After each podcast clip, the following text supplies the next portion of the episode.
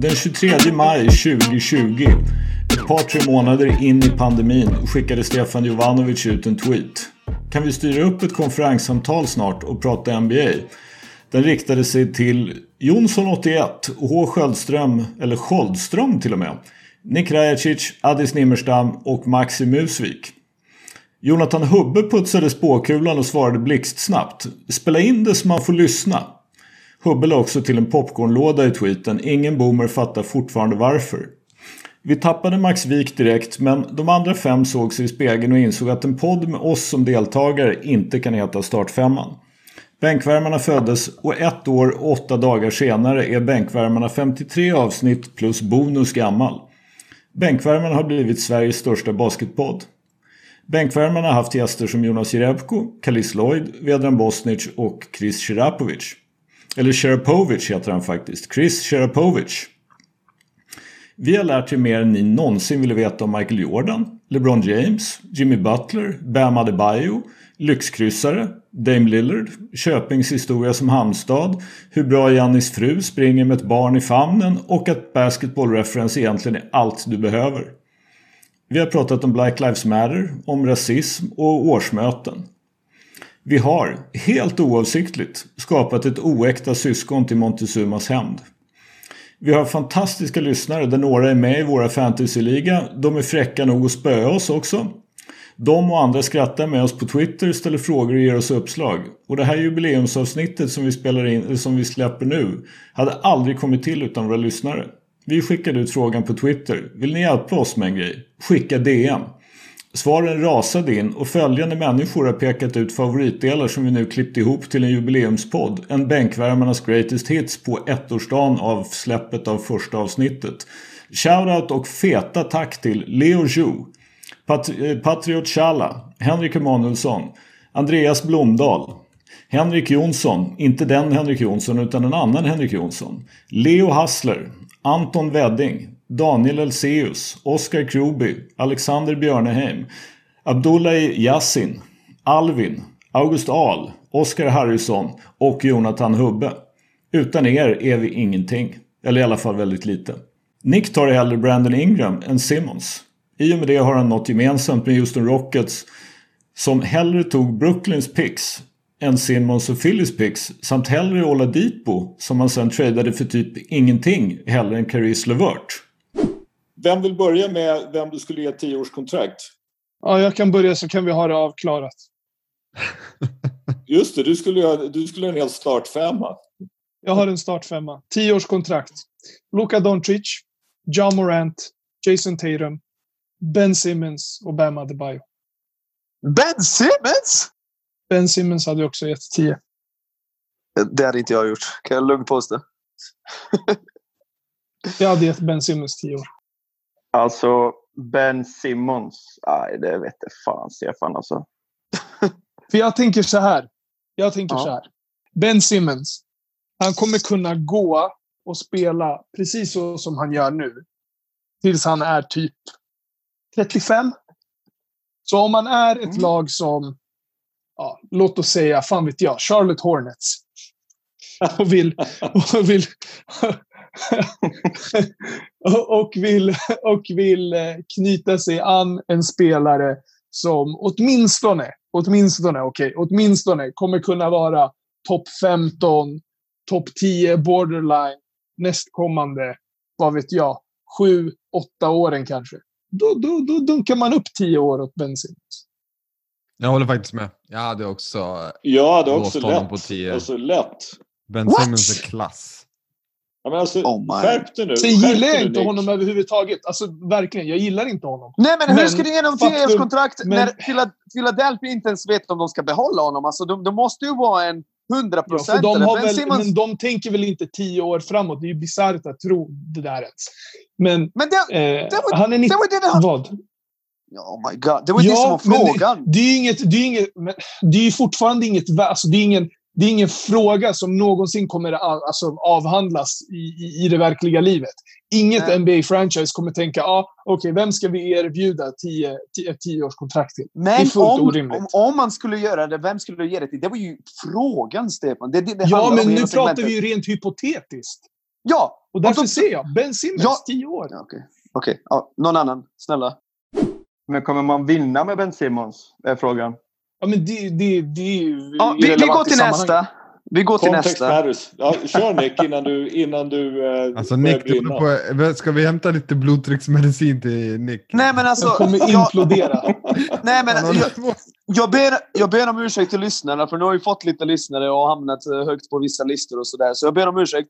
De, för, de hör ju det här och spyr säkert. Ben Simmons, vi är inte säkra att Philadelphia vill behålla honom. Han är en liability i fjärde perioden. De måste gömma honom. Ni vill ge en spelare som laget gömmer när matchen avgörs tioårskontrakt. Det där är ju bara...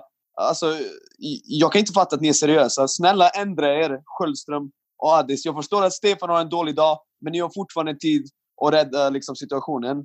Jag Du vet, att, du, du vet att det är en mot tre nu, va? Och du Nej, snackar... För, alltså, vissa, Hubbe på min Men, sida okej, och Johansson, två hade mot- Johansson varit här... ha- Hade Johansson varit här hade varit tre lyssna mot tre. nu. Lyssna nu. Vi snackar fortfarande om en spelare som under tio års tid har potential att vara eventuellt bland de tio bästa spelarna i ligan. 15 till 10. Det är klart att du ger honom en, ett tioårskontrakt då. Han sätter inte Om bollen. du kan säkra upp för han en spelare som är bland de bästa spelarna i serien under tio års tid, då är det klart att du gör det. Om chansen dyker upp, varför ska du, varför ska du inte göra det? Mitt i Indiska havet och han är i en båt. Han skulle missa havet. Och ni vill ge en sån spelare tio år! Alltså, va? Är Ben Simmons borderline topp 10? Ja. Åh! Jajamän. Åh! What? Det, det är ingen, Vet- vet- på, den, det är ingen alltså- på den här planeten som är frisk som kommer ranka honom topp 15 i NBA. Alltså det finns ju inte. Vi pratar ju på tio års sikt va? Han, han, han, är där, han är där mellan, mellan, mellan position alltså 20 till 10. Lätt. Lätt. Han, ja, Kanske okej, till ja, och vi, med går, 15 till 10. Det är vi tar det nästa avsnitt igen när Johansson är tillbaka. Jag vet att han är på min sida. Jag vet att det är det. alltså, jag, vill, jag vill nu inte vara den som är den apropå det här med Philly och Ben Simmons. Men eftersom du tjatar Nick så får jag också göra det lite grann. Du vet att han har en extension med Philly va? Jag vet, de skrev, han skrev på förra året, förra sommaren va? Du, du vet att han får 29, 31, 33, 35 och 38 va? Och ändå kan han inte skjuta treor. Nej, han kan inte skjuta treor, men han kan göra annat. Och som sagt, han kan spela försvar. Alltså, det är nästan så att man vill att uh, Philly ska gå och vinna hela skiten bara så att Nick kan hålla käften. Ja, äh, grabbar, får jag säga något väldigt snabbt? Kör. Väldigt Ja. snabbt. Det kommer, inte- det kommer inte ta mer än 40 sekunder om ni inte avbryter mig. Här är alla spelare i NBA som är bättre än Ben, äh, ben Simmons. LeBron James, Giannis, Kawhi, Curry, Harden, Ant Davis, Nikola Jokic, Damian Lillard, Kyrie Irving. Jag gillar inte Kyrie, men han är bättre än Ben Simmons är det. Ja Morant, Luka Doncic, Kevin Durant, Paul George, Carl Anthony Towns, Donovan Mitchell, Joel Embiid. Han är bättre, jag är ledsen. Brandon Ingram. Oh ja, jag tar Ingram före honom. Russell Westbrook. Nu räcker det! Nu räcker det! Nu räcker Rudy det! Gobert, Bradley Beal. Zion Williamson, Chris Paul. Mute honom 50 Addis. Du sa Brandon Ingram. Nu lämnar jag podden. Är, är, är, det Nicks hot take, eller? Är det Nicks hot Nick, vi har take? inte börjat med hot takes än. Snälla. Det är inte en Brandon hot take. Ingram, Oj, oj, oj, Du driver med nu mig. får det vara nog. Och sen, när Nick missade ett avsnitt, var det bara skölden kvar på båten. Brett Brown behöver få Embiid mer involverad i sitt offense. Så han, han gick ut och sa också så här, "Nej, jag kommer inte spela Embiid med fyra skyttar. Eh, vi blir för lättlästa, sa Brett Brown. Va? Jag säger sparka gubben. Nu har han gjort sitt. Ja. Nu, Ta Alvin. Gentry i handen. Kom av flaskan. Ja. Vi blir för lättlästa. Alltså, faktum är att ni är ju lättlästa hur som helst. Det är ju som Johansson säger, bollen måste in till en bid och han Nu måste kommer, jag göra säga, nu kommer jag säga något och det är jävligt skönt att kunna säga det när Nick inte är här. Fan, Ben Simmons, han kan inte ens skjuta för i helvete. Klart att Philly blir lättlästa. Fan vad skönt. Fan vad skönt att kunna säga det utan att han sitter där. Och han kommer brinna så jävla mycket när han hör det här. För han kommer inte kunna svara. Fan Nej, vad skönt. Ben Simmons Stefan. kan inte ens skjuta en trea. Och Brett Brown sitter och snackar om att, om att Philly är för lättläst. Skärp dig. Nej, nej, Stefan, Ja, vi gör så här. Vi vet ju att Nick kommer inte lyssna på det här avsnittet. Så vi kliver av Ben Simmons-båten nu officiellt. Ja. Ja, vi testar honom. Och sen så, sen så kommer vi överens. Sen så kommer vi överens om att vi aldrig någonsin pratar om det här igen. Exakt. Vi begraver den Alltså jag är hemskt ledsen, Vi- men, vi- vi men jag är kapten på Ben Simmons-båten och jag hoppar inte av. Jag är, flyr inte det skeppet. Ja, ja, ja, ja. jag kliver nog av. Ja, jag, jag säger Ska vi tack, gå till- tack, jag tar liv, eh, livbåten. Sen så får du göra vad fan du vill. Eh, men eh, jag tar livbåten. Jag, jag så kör kul. Ben Simmons-båten vidare. Jag har ju hela nästa säsong på mig också, så det är inga problem. Det är lugnt. Inte ens Russell Westbrook har delat vår grupp i två så skarpa läger som den yngsta bollen, LaMelo Ball. Jag tror så här. Lamello Ball, sämre karriär än brorsan Danzo. Och kommer vara ute ur NBA eh, efter att hans eh, rookie-kontrakt eh, har tagit slut. Den absolut sista jag har nu då, det är Dwayne Wade som tweetade ut Not so breaking news. Lamello ball is a problem. Bänka! Bänka. Åh, nej, katta säger jag. Orkar Nej, jag säger bänka, jag vill höra vad Nick har att säga. Ja, kör ni. Orkar inte. Han, är- ja, han är ju problem för sitt eget lag. För att... eh, och jag, så- jag nämnde det igår, men jag, jag, nu är jag övertygad att 90% av människor som eh, Eh, följa basket inte se på matcher längre, utan det är ju bara att titta på highlights. För hade man sett matcherna så hade man sett att han är suger. Han, alltså Cole Anthony går förbi honom två matcher i rad, precis när han vill. Han, precis som vanligt så kan han inte sätta ett skott. Han skjuter 25% på golvet. Det är ju, alltså över fyra matcher, det, är ju, det går ju inte. Det finns ju ingen e NBA-spelare som skjuter 25% på golvet. Han har ju aldrig någonsin haft någon form av liksom touch från trepoängslinjen. Hans floaters är inte ens nära att sitta. Enda gången han kan, han kan sätta en trepoängare är när han får lugn och ro och kan liksom skjuta i rytm. Allt annat är inte ens nära att gå i. Och han, han har kastat upp några floaters som har missat hela korgen. Och jag vet inte, han, känns, han kan inte spela basket. Han, kan, han är ingen basketspelare. Han är ju liksom... Okej. Han är ju en Lavar Ball-produkt som alltid mött competition som har varit antingen extremt mycket sämre eller mycket bättre än vad han är. Han har alltid spelat i lag som förlorar eller vinner med typ 80. Så ja, det ska bli kul att se nu när han uh, fullständigt strugglar hela rookie-året och jag kommer se typ alla Hornets-matcher som finns att se och jag kommer hata och jag kommer njuta. Jag Nick, längtar. Nick, Ja. får jag läsa upp hans statline från träningsmatcherna? Ja, kör. 8,5 poäng, 5 Jävlar. returer, Ho! 3,75 assist. Damn. Och det är så här, visst, det här hade väl kanske varit bra om det hade varit en spelare, ja men kanske mot slutet av första rundan. Och på de här 3,75 assisten så snittar han också 3 och eh, en halv turnover. Vill ni veta hur bra han skjuter? 20,3% field goal. 19,42% från 3. Och han, han, alltså han ska inte ens vara i. Han ska inte, alltså, han är inte där. Han är liksom en, det, det är highlights bara, sen finns det inte så mycket mer. Han är ett väldigt snyggt hus, men det finns ingen grund. Edwards och Wiseman är mycket bättre basketspelare, alltså det är Ja, inget snack det- om saken. Det är klasser, de är, de är så, Ja, de är exakt. framförallt fysiskt redo för den här nivån. Exakt. Nej, jag vill säga att jag har alltid trott på Lamelo Ball och det känns jättebra det här för att sen dag ett har jag sagt den här killen har något speciellt. Och folk, framförallt Stefan bara ah, nej, han är bast och bla bla bla. Så där värmer verkligen i hjärtat. Han, eh, Ja, vad bra. Trodde du på Lamelo Ball li- lika mycket som du trodde på Luka Doncic när det begav sig? Mer brorsan, mer. Ja, mer. Jag har alltid älskat det- honom. ja. Alltså jag känner igen mig så, får jag ta över skölden? Alltså jag tycker Ja. det är så roligt för att jag tänkte exakt samma sak när jag satt och kollade på Hornets mot eh, Brooklyn. Och så sitter jag där och känner så här, vet, på grund av Nick och Stefan så sitter jag bara så här, Lamello Ball, nu jävlar åker vi. Alltså, hela matchen sitter jag bara så här, kolla hur aktiv han är i defense, stil, yes, du vet. Europakollen fick inte helt godkänt av Magnus Dahlborn och Ludde Håkansson, men vi har lärt oss och er var Murcia ligger. Men eh, innan vi drar till hot takes eh, har jag ju en eh, Europa-uppdatering också. Ska ni ha den? Härligt! Vi måste ju skaffa någon sorts eh, melodi för det här. Ja. En liten trudelutt på Precis. Europakoll. Marseljäsen eller någonting.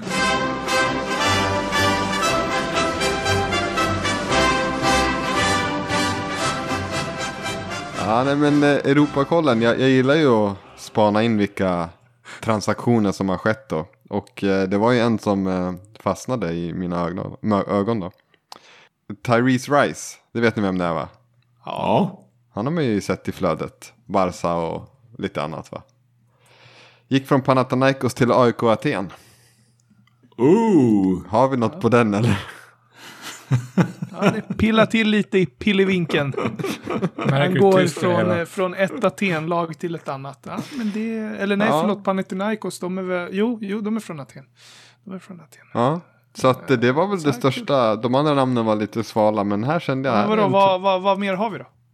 Nej, det var, det var riktigt svalt. Jag, jag visste knappt vilka det var. Det var Yannis eh, Borosis. Signade också med Panathinaikos. Du vet inte vem Janis Borussis är eller? Ingen aning. En av Greklands bästa spelare genom tiderna. Jag har ingen Vad aning. Vad sa du för något 78 Stefan? En av Greklands bästa spelare genom tiderna. Får man väl ändå ge honom.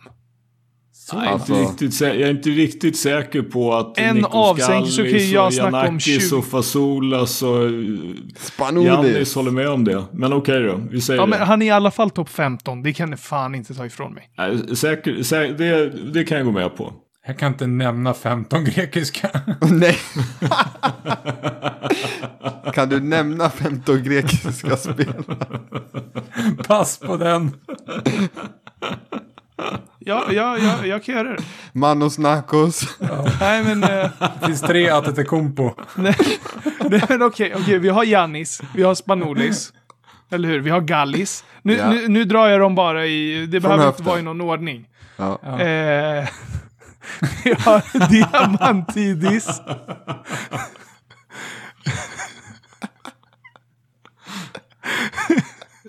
Får jag hjälpa till? Nej, men vänta nu, vänta nu. Nu måste jag tänka lite. Nu måste jag tänka lite.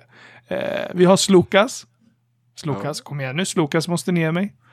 Eh, Ja, oh ja. Så länge inte du ut har- maträtter nu. Nej, vi, vi har... Eh, vi har eh, Printesis. Absolut. Ja, ja. Janakis. Absolut. Tog du Kostas Antetokounmpo också eller? Nej, vi, vi, vi kör Jannis nu. Sen så kan man ju nämna eh, Kostas Papanikolaou. Eller? Absolut. Ja. Mm. Eh, sen blir det... Hur många är vi uppe i? Jag vet inte, vi går vidare. Ja, sen kommer ju Jannis Borussis och, och grabbarna där. Jag Han tycker där. att du måste ha med Fasoulas i och för sig. Men, men jag Ja, tycker men att du gör- Fasoulas är ju innan, eh, innan Bibeln skrevs. Vad heter Baby Shack? So Sokratis Skorziani... Skor... Precis. Skor... Skorziani. Skorziani. Precis, det var därför jag sa Baby Shack. Shoutout till Magnus Dahlborn som har tvingats uttala hans efternamn tre miljarder gånger i sitt liv. Du glömmer ju dessutom Nick Kalafis. Han är ju... Nej, Janis Borussis mannen är klart före, före den gubben. Bänken har aldrig varit rädd för att dra fram ordförandeklubban och slå fast hur det ligger till. Har vi haft fel en och annan gång? Ja, kanske. Kanske till och med så ofta och i så pass stor utsträckning att Norrköpings coach Mikko Rippinen inför slutspelet sa Det enda jag hoppas är att bänkvärmarna inte tippar oss för bra så att vi, drabbas, så att vi inte drabbas av deras curse. Mikko Rippinen har alltså mer respekt för The Curse of bänkvärmarna än för Köping, Södertälje och Luleå. Och Jämtland med för den delen. Du tvivlar på The Curse of bänkvärmarna. Men om jag säger att Addis ena veckan ville mygga av Zlatan och nästa vecka tog Janne Andersson ut honom till landslaget efter fyra och ett halvt års frånvaro.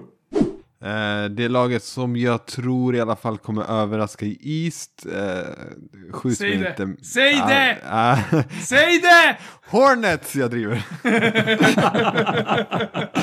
Nej, alltså inte Hornets. Men på riktigt, jag tror fan eh, Atlanta kan bli eh, bättre än man tror i år. Och jag kommer, jag kommer köra hit hela vägen. Det kan bli det bästa laget någonsin att åka ut i andra rundan faktiskt.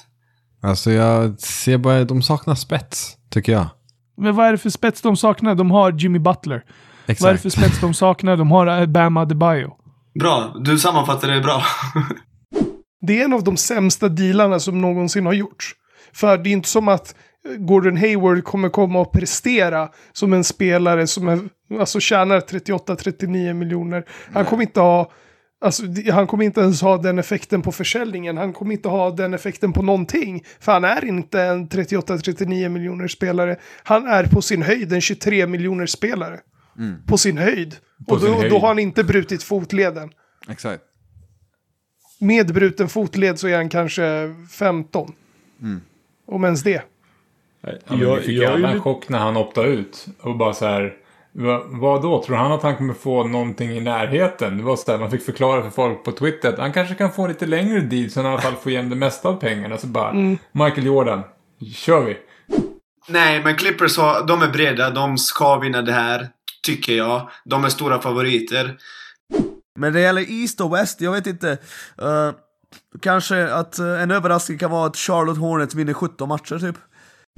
Och allt det här ledde till en kärleksförklaring från Johansson till oss. Ja men så här då. Alltså jag ska säga så här. Min hot take är så här. Alltså jag, ni vet att jag, jag, jag, jag, alltså, jag gillar er. Och det är tur att vi har underhållningsvärde för vi är fan kassa. Det är min hot take. Alltså, Faktiskt, jag, jag håller med. vi, vi är fan riktigt dåliga. Alltså hur många gånger får vi krypa till korset eller så här. Ja. Denver går åt helvete, Atlanta går åt helvete, Lamello spelar bra. Alltså. alltså är Lamello spelar bra. Där, där, där har we cover all jag vet, bases. men vi sitter på alla på olika. Jag, jag kan rabbla upp var och en av oss har olika grejer som vi bara, det här händer. Det här, Det är det, helt här. otroligt.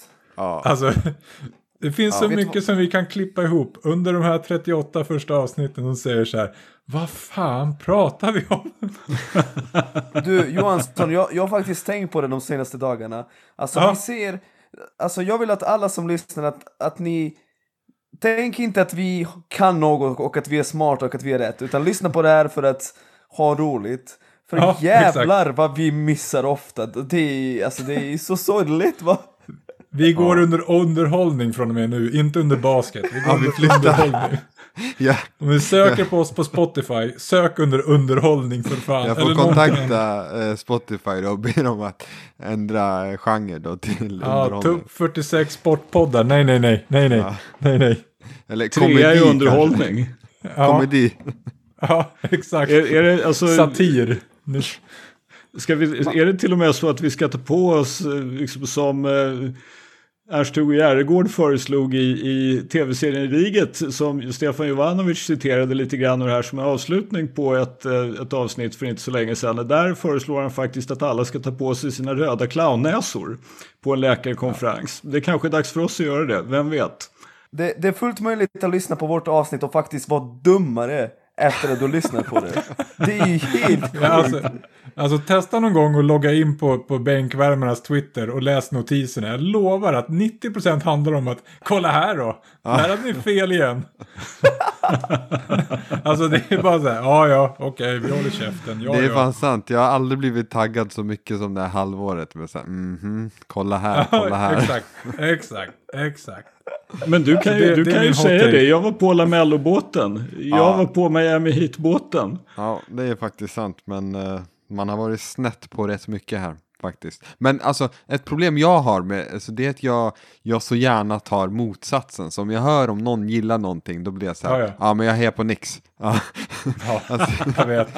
jag gillar att bara så här, du vet, jag kan inte bara inte- Konträr. Ja, som, det är nästan lite som, eh, eh, vad heter det, Victor Malm och pulka-åkningen. Jaha, gillar, tycker folk att det här är absurt? Ja, men då, då gillar jag det. Precis, vår vän Viktor Malm, kulturskribent i Expressen, redaktör på Expressens kultursida, tyckte idag tvärtom hela Twitter att det, var, det är klart att man ska kunna åka pulka på Skogskyrkogården. Ja, exakt. Det, det, ja, och som sagt, det, det är nog så att efter det så känner vi väl allihop att Viktor Malm måste bjudas in hit. Vi säger inte att han har rätt, men vi tror att han har en hot take att komma med. Ja, skoja inte. Ja. Apropå uttal. Cockney. Southern Drawl. New York. The Queen's English. Eller rent av brittiska engelska.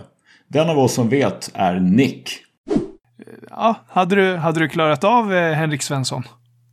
Ja, jag har haft honom som coach. Jag har en story om Henke Svensson. Kan du bekräfta eller dementera den? Kör, kör. Ja. Stämmer det att han, jag tror att det, det kan ha varit en kortare period, men jag har fått det, fått det sagt, till- eller beskrivet för mig som att han under en hel försäsong eh, pratade, pratade eh, engelska med juggebrytning för att han ville efterlikna Željko Obradovic. Stämmer det här? Det, det är inte en hel försäsong, och, utan det har varit typ en två, tre års period.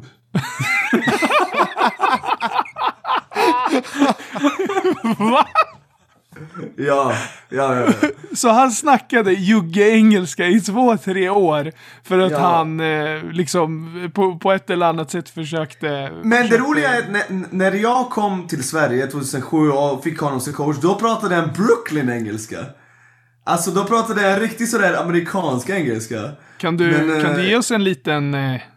Nej, det kan jag faktiskt inte. Jag är inte bra på det. här. Jag kan typ engelsk, eh, men inte ren Ja, amerikansk. du, kör, du kör brittisk engelska eller? Ja, exakt. Ja. Of course. Eh, of course. Eh, men... Ja, Fan, var det där dåligt? Pittsburgh Steelers against Tennessee Titans. Okej, vad gör vi? Alltså... Men ändå var Nick inte riktigt klar där. Bra. Eh, ska vi avrunda då? 100 procent. Jajamän. Tack för idag. Tack för idag gubbar. Tack för att ni lyssnar. Men du, hallå, hallå, en, en till grej. Ja, okej. Va, alltså, var min brittiska inte bra? alltså jag har alltid trott att det är om flik. Det är väl kanske inte det man förväntar sig att eh, höra från dig. Dear old chap, maybe you should go to Oxford sometime and practice a little bit. Ah, Okej, det, var, det var bättre. Du, du är fan bra. Bra skölder. Jag, jag, jag tycker däremot att brittisk engelska är sjukt cringe eh, att försöka sig på. Eh, Oh, dear. men ja, ja, nog om det. Ja, det... No, det. Ja, ja, jag ska inte ens försöka mig på det. Eh, nog om det. Tack så jättemycket. Vi hörs. Ciao! Ha det bra. Hej. Goodbye.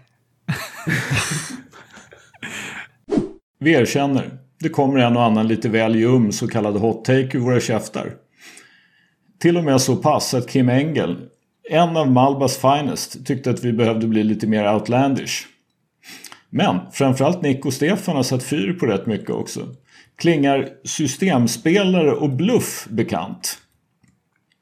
Oklart om detta hänger samman med när Nick kallade ut Stefans basketkarriär för just bluff. Nick pratade i ett avsnitt om 64 bebisar. Inte första gången ni och vi undrar vad han menade egentligen. Addis fäller folk bakifrån när de tror att vägen framåt ligger öppen och fri. Johansson litar som bekant inte på någon eller något utom möjligen LeBron, skatter och döden. Och skölden kan ju alltid skapa en skogsbrand genom att ha fel om LeBron. Sen, när alla tror att allting är klart, kommer Stefan släntrande sist av alla och lämnar ett skövlat landskap efter sig. Ja, jag kan få det att brinna och det, den här är väldigt enkel. March Madness började helt plötsligt säga på Twitter Ja men det, det är så jävla roligt med March Madness och college basket och fy fan fantastiskt liksom unga spelare. Det blir massa skrällar, underdogs och vinner. Jag blir bara Snälla bara sluta please. Gör mig en tjänst och gör inte den där grejen. Först och främst Folk som säger att de följer college basket Ja, jag tror inte på dem för det där är så jävla tråkigt. Det, det är alldeles för många matcher som, slu, som slutar 55-49. Det är inte värt att slösa tiden. Sen är det så att det finns jättemånga som säger ja, det stämmer, men vet du vad? March Madness, det är jätteroligt. Jag säger så här, jag förstår det där det är intressant att okej, se Se ungar och varenda match är typ livsviktig och den sista potentiellt och att de gör allt för att vinna. Men hade jag hittat 64 bebisar, okej, och rankat dem och de, de ska tävla liksom vem som liksom kryper fram 20 meter snabbast. Folk hade tyckt att det är roligt också liksom. Alltså bara för att du tycker att det är spännande bara du, för att du tycker det är spännande med att lag liksom äh, tävlar mot varandra och det är liksom en match som avgör allt för att gå vidare liksom betyder inte att det är, ett, eh, det är bra basket. Ni säger ju det här att Jannis inte är den duden, Paul George är inte den duden, Ben Simmons, Joel Embiid är inte den duden. Alltså det är flera som är med, inte är varken El Dudorino eller His Dudeness eller ens Jeff Bridges. Så enligt er definition så är det i princip just nu bara LeBron, Kevin Durant, Steph Curry och möjligen Kawhi Leonard som är den duden. Du säger förstås också Da- Dame Lillard säger du då, men han är inte den duden för han har inte vunnit. Han är den duden. Du, du, nej, han är inte den duden för han har inte vunnit. Du, Spelar ingen roll, han vara spelar den... till keffa lag. Ja, men det spelar Jag- ingen roll. Han, jag ger han, min, höger, min höger arm för Dame Lillard. Jag, ger, jag skulle offra min Mm. jag vet höger det, arm men för han är inte Lillard. den duden för han har Han inte är den duden. Jag är ledsen Nej. men han är den duden. Han är Jo, absolut visst. inte den duden. Det finns ingenting. Du har inga som helst bevis för att han är det. Det är bara LeBron, Kevin Durant, Steph Curry och möjligen Kawhi. Leonard. Alltså det, fin, det finns ingen den Får jag duden fortsätta nu. Nick? Ja, Får jag fortsätta nu Nick? Det är jag som har avgjort vem som är den duden eller inte just nu. Du får avgöra din dude sen. A few moments later. Och sen så är det ju det här. Vi vet hur mycket, liksom om det spelar roll med flyt och oflyt. Kommer ni ihåg Nick Anderson? Klart vi, vi gör det. Han missade fyra straffkast i rad i första NBA-finalen mot Houston 1995. Houston var upp tre då, sju sekunder kvar. Sätter han ett av dem så vinner de första finalmatchen. Nu blev de swept. Betyder det att Shaq O'Neal inte var den duden? Det vet vi att det inte gjorde. Han blev ju det. I could go on. Giannis kan vara den duden. Lika lite Alltså- som han för, så att säga förtjänar MVP för att han chokade i slutspelet förra året. Så vi vet det. Det kommer en ny dude. Skölden. Det kan vara Giannis. Alltså, grejen, är Amen. att, grejen är att den duden är ingen statistik då. Den duden är bara en känsla liksom. Och det är liksom folk presterar när det gäller. Och Janis är ett monster. Och har kanske bevisat att han är den duden i slutspelet. Men om man spelar sämre i slutspelet än vad han gör i grundserien, då är han inte den duden. Du kan inte vara den duden om du inte liksom levererar i slutspelet. Jag är ledsen. Om, om man levererar i år, då kommer jag ta tillbaka det. Precis som du ser, man kan bli den duden om man levererar liksom på den nivån. Men han gör inte det just nu. Men det är det jag- menar att alla, alla är ifrågasatta som att inte vara den duden tills de Vi är plötsligt är i den duden. Min hot take riktar sig mot alla personer. Jag synar de personerna i både min närhet och som jag ser lurka på internet. Ni kommer att känna igen er. Och det är alla de här människorna. Ni, ni allihopa har stött på dem. Nick, du kanske är dem till och med. De människorna som då hävdar bestämt att jag kollar på så mycket europeisk basket. Ni skulle bara veta. Jag synar de människorna. Jag tror att många hävdar det här för att visa sin basketexpertis eller vad det nu än är. Genom att referera till att jag kollar på europeisk basket. Jag vet att ni alla har säkert också här i podden fått frågan någon gång. Såg du matchen igår? Såg ni den? Vilken match? Ja, du vet eh, Fenerbahce mot Bursaspor. Nando De Colo, Wesley, pickenrullen. Supervass. Hade lätt slaktat NBA. Känner ni igen det här? Så Jajamän. vadå, du, du menar att du Preach. inte sitter och kollar på, på uh, en match mellan uh, Exchange Milano och Pallacanestro Triest? Det gör jag inte.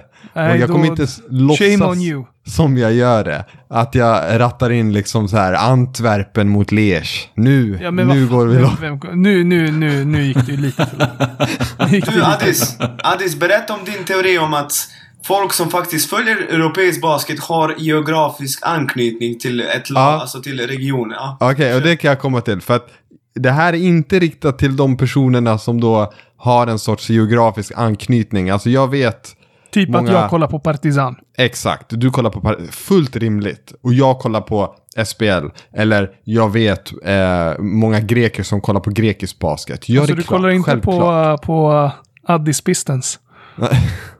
Nej, det gör du inte. Nej, okej. Jag gör inte det. Alltså, och det är helt okej. Alltså, när det finns känslor inblandat och så vidare, det köper jag. Och det är klart att man kan ratta in en Euroleague-match i värsta fall, eller det råkar komma i din väg. Men syn på den här hetsen kring europeisk basket. Vad säger du Nick? Ja, men du är ju en extremist, så all basket utanför USA för dig finns inte. Och hade du varit en GM i NBA hade vi aldrig haft Giannis eller Dirk Nowitzki eller så, för du är så... Uh, alltså du avskyr ju all basket som spelas utanför USAs gränser. Eller ju Toronto uh, funkar bra, men... Ja, jag, jag tycker den här eh, taken är väldigt uh, vidrig. Uh, Och jag vet att du och Stefan gillar att skämta om Luca Vildosa. Bara, Luca Vildosa, men jag vill inte. Han var ju final, han var ju MVP i Spanien nyss när allt avgjordes. Alltså, man kan vara en bra basketspelare även om man spelar i Europa. Och man kan fortfarande titta på basket utanför USA och tycka det är bra basket. Och jag vet att ni inte kan förstå, det finns folk på riktigt som gör det. Men det finns framförallt folk som älskar basket. Uh, och Mike James hade lätt kunnat klara sig i NBA. Uh, eh, och uh, that's about it. Alltså jag vill inte säga mer. Jag vill inte hålla på och skrika för att jag tror ändå att våra smarta lyssnare fattar att uh, Addis är ute och cyklar och det där med geografisk anknytning, det är bara alltså. Så man måste ju vara från Grekland eller Serbien för att bo i Sverige och titta på europeisk basket. Nej, alltså du måste inte, men alltså, då förstår jag det någonstans. Och det är klart att det finns undantag. Det är klart det finns någon person, eller några personer i Sverige som, som älskar, vad vet jag, den eh, grekiska ligan i basket. Absolut, jag köper det. Men det är ju inte, det är ju fler som menar att de gör det än som faktiskt gör det. Ja, min hot take eh, jag kan hålla mig faktiskt kortfattad. Det är bara någon, så här, jag vet inte, det är någonting jag tror kommer från någon eh, amerikansk kultur. Det är ett uttryck som jag gärna skulle se eh, folk sluta använda sig av. Eh, och nu blir det en sån här attack mot någon i podden. För det blir, eh, jag gör en eh, nick från förra veckan. Eh, men den hamnar på Johansson. Nej, det är faktiskt inte du som gör det. Men det här med att vi kallar folk som är eller har varit coacher för coach. Jag har så jävla svårt för det. Kan, kan vi sluta med det? Alltså varför gör vi det? Ingen Jag vet inte, alltså jag, det är ju typ att visa respekt. Ja, men va- va- varför då? Eller alltså. Ja. Jag, inte, jag tycker det är jävligt olustigt bara. Det, det påminner om det här när man pratar om basketspelare så säger man så här. Ja men en äldre man sitter och pratar och säger de så här. This kid got a nice future. Liksom. Man bara så här. Alltså han är 20 år. Alltså vadå kid? Eh, Det är liksom, jag vet inte, jag gillar inte de här uttrycken. Um, och coach, alltså det är inte att jag inte förstår att du har varit coach eller någon annan har varit coach. Men behöver inte benämna dig som det. Coach Johansson, vad tycker du? Ja, Det, alltså, det, är ju, det, är ju, det är ju som Nick säger, det är ju någon sån här, har man, varit, har man en gång varit coach så fortsätter man att vara det. Och det är väl framförallt i, i, eh, i en amerikansk kontext och kanske där, där man, eh, precis där som Nick säger, att det liksom är någon sån här eh, tecken på respekt. Jag ska försöka skärpa mig och bara nöja mig med att kalla honom för Johansson. Ja, bra. Tack. Jag är helt nöjd med att bara bli kallad Johansson. Det är därför jag, till skillnad från vissa andra, inte har coach i mitt Twitternamn. Ja, Ah. bra att du inte har det. Nu vet jag inte eh, om jag trampar på någon då, men inget personligt mot någon, utan mer bara så här, jag har lite svårt för det, jag vet inte. Mm. Det var det. Nej. Jag har ingenting emot att bara bli kallad Johansson.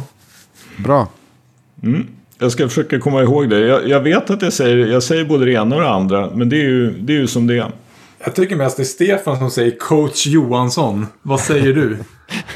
Ja, jag, vet, jag vet att jag har gjort mig skyldig till det också. Eh, jag, jag använder aldrig privat coach. Jag säger aldrig. Ja, du introducerar dig inte så till människor du träffar menar du? Ja, Nej, nej, nej, nej, nej, nej. Det är inte som att jag säger det hemma till min, eh, min sambo heller. Du, kan du kalla mig för coach? Jag vill gärna att du ska kalla mig för coach Johansson. Kallar Då skulle eh, jag få kidsen en- dig för coach eller? Då skulle jag få en örfil. Bara en. Ja, jo, om jag på en bra dag. Hot take 2. Eh, Space Jam 2 kommer vara bättre än Space Jam. Så LeBron är bättre Yes. än Jordan. Ja, jag är också med där. Jordan torskar Också- på alla plan. Ja, men, men Addis, både du och jag vet att de här Jordan-nötterna och boomersen kommer, oavsett hur bra filmen är, kommer säga ja, men det kan inte jämföras med ettan för det, du vet den känslan. Ja. Ja, ja, det kommer vara den här. Det kommer vara den här. Hörru. Nick, Nick. Alltså. ah, Space Jam New Legacy. Den är bra, men... Fan. Finns ju, finns ju en riktig, en riktig Space Jam. Det är den. Finns ju en Ja, riktig Space Jam. Finns bara en. Och Det den heter inte New Legacy. Exakt. Alltså, är, Det är, är som, det är som gamlingar till... som, som bara håller på med, med eh, rik, inom citationstecken, riktiga Ronaldo och Cristiano Ronaldo. Det är samma typ av människor. Samma typ. Ni är lite för unga för att känna till begreppet OG va? MG, the OJ, OG. Så är det ju förstås, det vet ju alla. Om ni tror att jag sett Space Jam och tänker se, se Space Jam 2 så känner ni mig väldigt dåligt. Vadå, har du inte inte se sett den? Space Jam? Det är klart jag inte har sett Space Jam, varför skulle jag göra det? Va? Det Alltså, det lägrigaste jag har originalet? hört. Ja, klart Va? jag inte har sett den. Det är en principsak. Vänta, va? Du har sett Får Basketball Diaries men inte Space Jam. Ja, det är helt riktigt. Va? Det är klart jag inte har sett Space Jam, varför skulle jag Det göra är det? ju det är ju sjukaste jag någonsin hört. Du har ju sett Airbud, men inte Space Jam. Jag har sett Teen Wolf också, men det var i tjänsten. Den hade jag aldrig sett frivilligt. Vad fan min tjänst att ni såg Team Wolf och inte Det är ju sjukaste jag hört. Hörru Skölden, jag ska, ringa, jag ska ringa till ålderdomshemmet och be dem hyra in Space Jam. Och sätta på den i, på VHSen där i sällskapsrummet. Så att ni får kolla. Måste, är det ni säger att jag måste se Space Jam med LeBron Ja. alltså? Skölden, Ja. du, du har läxa att se på Space Jam till nästa då- avsnitt. Och så vill vi ha en recension. LP Alltså. Vi trollar oss just nu. livesänder det här. På Herregud. Jag, jag vet Jag att det finns inte- någonting så, Jag vet att det finns någonting som heter Monstars, men ja, ja. Ja, kan, kan, inte skölden, kan inte skölden lajva på vår Instagram medan han kollar på Space Jam? Eller, eller skriva en recension. Du kan skriva en recension efter filmen. Ja. Ta hjälp av Viktor Malm så kan det bli Jag, jag, kan, det jag, kan, jag kan skriva en recension på Twitter, 280 tecken. Jag har svårt att tänka mig att Ja. den är värd mer. Gör det. Skölden, till nästa avsnitt vill vi ha att du har sett filmen. Deal? Ja. Men, och, och det här kommer ju då sluta med att jag måste alltså se Space Jam 2 också. Ja, ja, men det kommer Ja, sen. vi ska ju gå på Ja. biopremiären Ni allihopa. vet, ni Nick. vet att ja. jag bara har ett liv. Det, Ja, men det- det är inte- alltså, vi behöver det här. Ja, Okej, vi behöver- jag, det, jag är hör er. Ja. Om du ändå har en podd med oss så kan du lika gärna gå och se Space Jam New Legacy på bio. Heter den verkligen Space. Jam New Legacy? Herregud. Ja, ja. Ja, det är dags för min hot take. Min hot take är uh, att Stefan Jovanovic har fabricerat hela sin basketbakgrund. Uh, han, han har egentligen spelat fotboll i AIK tills han var typ 15. Uh, eh, han var målvakt. Han var målvakt. Han hade jätteljus framtid. Och sen uh, skadade han sin armbåge och sen eh, ja, var han involverad i klubben. Satt där på, med fansen och sen kom han på att skriva en basketkrönika om varför AIK bör ha en basketsektion. Och nu är han en basketvetare men har någon av er, jag vill att ni svarar på några frågor. Har någon av er någonsin coachat mot Stefan Ivanovic? Nej.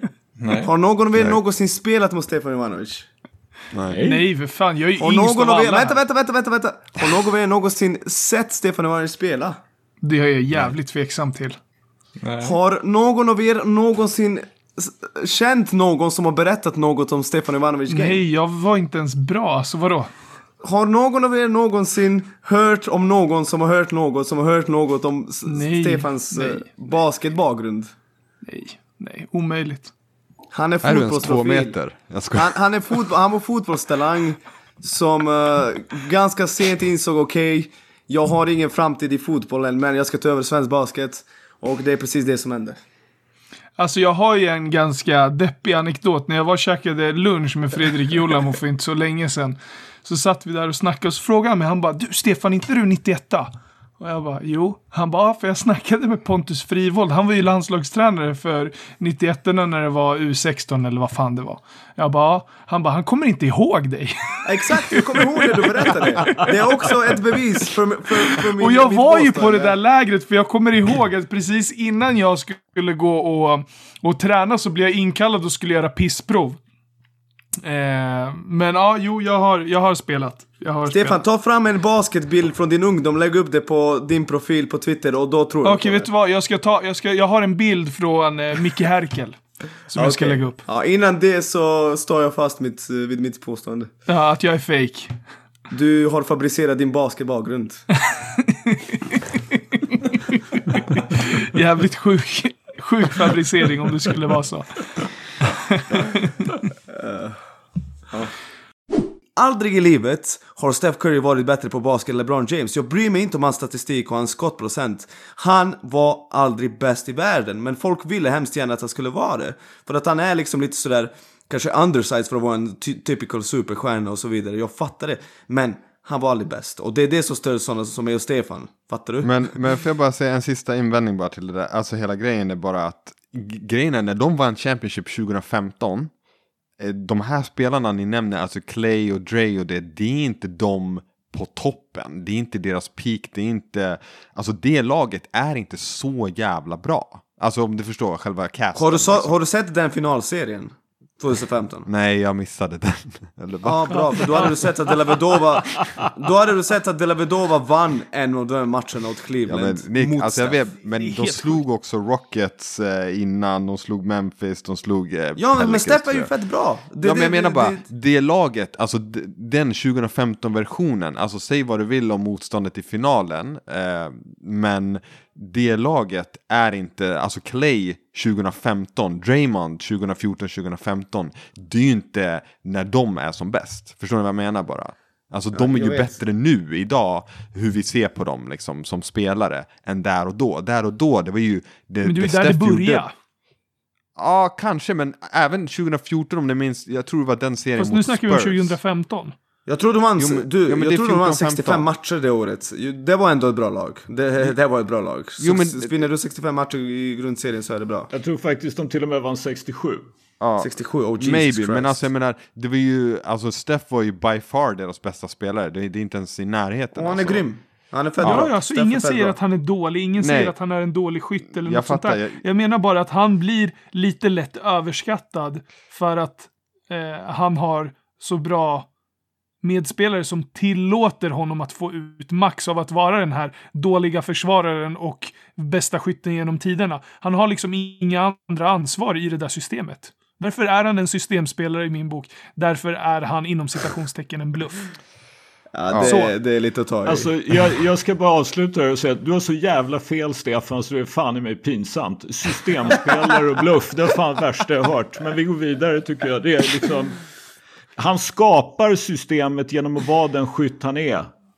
Alltså nej, Curl Ja, tog det är dit så det jag där jag och avslutade just det. Jag vill inte höra något mer nu. Jag avslutade det här just. Jag vill inte höra något mer. Jävla boomer. Ja, gå vidare till din. Det är helt riktigt. Med 21 avsnitt i ryggen och med självförtroende som den genomsnittlige boomer tyckte bänken att det var dags. Prata, bas prata om basket är ju kul och så, men har du provat att vara generalsekreterare för Svenska Basketbollförbundet? De flesta av oss i den här gruppen är djupt inne i NBA-bubblan, men ryktet går Stefan Jovanovic att du inte riktigt är det. Du har tankarna någon annanstans, eller? Ja, men det stämmer. Det stämmer och eh, jag kommer faktiskt med lite breaking news. Så Addis, kan du dra på en liten trumvirvel? För det är nämligen så att eh, jag har tagit mitt CV och eh, mejlat det till en styrelse. Och inte till vilken styrelse som helst, utan till Alviks styrelse. Så jag har officiellt sökt jobbet som ny klubbdirektör för Alvik basketbollklubb. Vad kul Stefan, för att eh, jag har faktiskt funderat eh, de senaste veckorna på att söka till eh, generalsekreterare. Jag funderar på att bli Johan Starks efterträdare. För jag känner att det, var, det hade varit jättekul att utveckla svensk basket. Sen, eh, sen är det så att jag faktiskt trivs på Borås Stealing så jag kommer mest troligt inte att göra det. Och jag har inga meriter och jag kan ingenting om jobbet. Men jag har sett folk på sociala medier skriva att de är sugna på jobbet så jag antar att vem som helst kan få det. Så vem vet? Du och jag kanske blir kollegor på ett konstigt men- sätt snart. ja. Ja, men det kanske vi blir och det är kul att du nämner det för det är klart att man är sugen på att söka GS-jobbet. Va? Kan inte vi alla sammantaget, alla fem här på bänken, kan inte alla fem söka jobbet som generalsekreterare på Svenska Basketbollförbundet? Det Tillsammans. låter kanon, så delar vi på det rakt av, Ja. eller? Jobbar en dag i veckan som Ja. GS. Exakt, vi kör 20 Får vi procent podda var. på arbetstid då? Ja, men vi, vi, vi kan ta poddandet efter 17. Så kan vi spela in ett segment om dagen. Bänken Det här- blir GS. Det här, och kom ihåg, bänken ljuger aldrig. Exakt, bänken ljuger aldrig. nu kör vi gubbar. Ja, det här är vår officiella ansökan då. Varsågoda. Ja, hör ni det? Susanne Gidesten och, och resten av eh, Svenska Basketbollförbundets styrelse. Jag, Henrik Sköldström, Henrik Johansson, Adis Nimmerstam och Nikica Rajacic. Vi söker här med kollektivt jobbet som eh, Svenska Basketbollförbundets nya generalsekreterare. Ehm, och om, om vi ska lyfta fram våra styrkor som eh, eh, sammansatt generalsekreterare så eh, Johansson har ju koll på första och sista raden och ekonomiska rapporter, eller hur Johansson? Jajamän. 100 procent. Ja, det har du. Okej. Ja. Skölden har ju koll på allt som har med eh, kommunikation och press att göra och sånt där. Addis, du, vi alla vet ju att du är lärare. Du kan det här med att få ihop gruppen, eh, med att leda. Nick, du, du, du kan också det här med media och du vet eh, ett gäng andra grejer också. Och har dessutom spelat basket på, på högst nivå av oss alla. Så där får vi in hela sportbiten Ja, ja. också. Sen så har vi mig, den eviga skitsnackaren och, och eh, Twitterfingrarna i den här gruppen. Jag är, inte, jag är inte så bra på så mycket, men eh, jag, jag, kan, jag kan twittra. Det, det, det kan vi ta med oss i det här. Och tillsammans så blir vi, vi blir en super-GS. Det är helt sjukt. Den femhövdade generalsekreteraren. Ja, fattar du? Vi blir en jävla hydra. Precis, det låter som ett antikt monster som bara tar över. Det låter helt fantastiskt. Exakt, och ju fler huvuden du, du eh, försöker hugga av, desto fler växer ur. Så, så fort du trashar oss så kommer jag twittra ännu mer trash gentemot någon annan. Så det kommer bara bli en shitstorm av allt och sen så kommer vi äta upp allt. Och allt kommer etablera och allt åt helvete. Eh, ska vi gå vidare till NBA-bubblan? Kanske är läge att göra det. Vi fick inte jobbet, men storsinta som vi bjöd vi in generalsekreterare Fredrik Jolamo som gäst. Förstås mest för att söka jobbet som landslagschef. Är det du som ska rekrytera din efterträdare förresten? Det brukar ju sällan vara så här jättebra. Var lämnar vi in vår ansökan? Har ni, har ni sökt den här tjänsten också? Vi gör väl det Nu nu, har vi det. Nu! Gemensamt igen? Ja, Absolut. Kan, Annars, vem vill du ha? Läraren Addis eller coach Johansson? Du får bestämma. Men ni, ni, alltså som grupp kan ni glömma det. Jag har ju lyssnat på er och jag vet att ni, ni kan ju aldrig komma överens om någonting. Alltså ni måste ju finnas Nej, en linje. Så, tänk dig Stefan Jovanovic och Nick Jajacic eh, i, som, som två delar av den där femhövdade draken. Det, det är svårt att se framför sig. ja det är stökigt. Ja, ja, vi, vi, vi får reda ut det här i gruppen internt och så får vi se då om vi återkommer med en ansökan om det här. Stefan lyckades ta kommandot på Heats lyxkryssare ungefär samtidigt som skölden slog sig ner i lyxkryssarens absolut bekvämaste fåtöljer för att njuta av den utsikt Jimmy Buckets och Bam Adebayo guidade till. Nick gillar ännu idag varken lyxkryssaren, Heat Culture, Tyler Hero eller TikTok. Det kom lite fågelskit på lyxkryssarens glas i slutet på säsongen. Kan det vara så att Nick är connected i fågelvärlden? Okej, så för, för någon dag sedan så gjorde de en intervju med Jimmy Butler. De frågade honom vad är heat culture? Vet ni vad han säger? Han säger It's uh, a will to never lose. Vadå? Tror du att folk som spelar för Charlotte Hornets förlorar med flyt? Alltså, det är ju bara myt och skitsnack det där. De säger att oh, Pat Riley skulle aldrig signa en spelare som inte kämpar och bara De gav Hassan Whiteside 90 miljoner! Hassan fucking Whiteside! De gav 60 miljoner till Dion Waiters! Det där är bara en myt. Snälla folk, sluta snacka om heat culture och sånt där och bara fokusera på fucking basket. Men Återigen, jag är Nick, jag bad ju dig att fokusera på fucking basket och det var du som ville fokusera på fucking basket och ändå så går du omedelbart till att fokusera Men på du heat säger ju, det är culture och oviktiga darts. människor. Det, det är oviktiga Ja, men människor. vi är Alltså, inte dem. Vi är några helt andra. Fokusera nu. Om. Och bara, it's willing to never lose. Okej, i Minnesota Chicago ville ni förlora då, eller? Men Nick, skärp dig nu. Vad är det då, som du tycker? Du tycker ju någonting uppenbarligen att... Eller menar du att det är så enkelt som att Lakers var lite lama och så tyckte att det här med Game 3, det kan vi strunta i? Nej, nej, så är det. De, Anthony Davis får foulproblem, de mixar upp det lite med manmansförsvar, det kanske överraskar Lakers. Men sånt här är ganska ointressant egentligen. För folk vill bara prata om heat culture och motherfucking dogs. De har ju ett gäng dogs. Ja, men Nick, nu har jag Det- det är min fyra slutsats. gånger bett dig prata om någonting annat och det är du som återkommer till det här hela tiden. Varför låter du påverkas Okej, av det här? grabbar, Varför kan ni pratar du inte om det? det som är intressant? Ja, vi går vidare. Skitsamma, jag vill inte ens prata mer om det här. Man vet inte vart det kommer ifrån längre. Ena, Nope. ena serien är det Jay Crowder, sen är det Bam, eller det är Bam nästan hela tiden. Sen är det Goran Dragic, sen är det Jimmy Butler, sen är det Andre Iguodala, sen är det Tyler Hero. Så uh, om vi snackar hydror som vi gjorde i förra avsnittet så är fan Miami Heat det närmaste vi kommer en hydra i NBA idag. Nick, hur känns det att försöka hugga huvudet av Miami Heat-hydran? Vad tycker du har varit absolut roligast under de här 22 avsnitten? Ingenting är roligt. Jag ogillar er allihopa. Jag kan göra en lista på folk jag ogillar mest. Uh, så Addis och Hen- Henrik Johansson, alltså de ogillar inte jag sådär jättemycket. Så de, de ligger bra till. Men ni två, du, Skölden och Stefan, jag ogillar er jättemycket. Och by the way, ni pratar om den här gruppen. Där vi skriver varje dag. Ni har ändrat namnet till bänkvärmarna Tyler Hero Stance. Eh, Inte det ni, hyllas du får vara allt. du med Miami Stefan. Heat, vänta, vänta, vänta. Miami Heat hyllas konstant. Så därför vill jag inte ens skriva i gruppen längre. Jag, jag avföljde bänkvärmarna på Twitter för några dagar sedan och sen ångrade mig. För att det är ju bara Miami Heat-propaganda. Jag har sagt tydligt att jag inte vill framstå som någon som på något sätt hyllar Miami. Så nej, jag ogillar er allihopa och eh, ja, det är det jag tar med mig efter de här 20 avsnitten.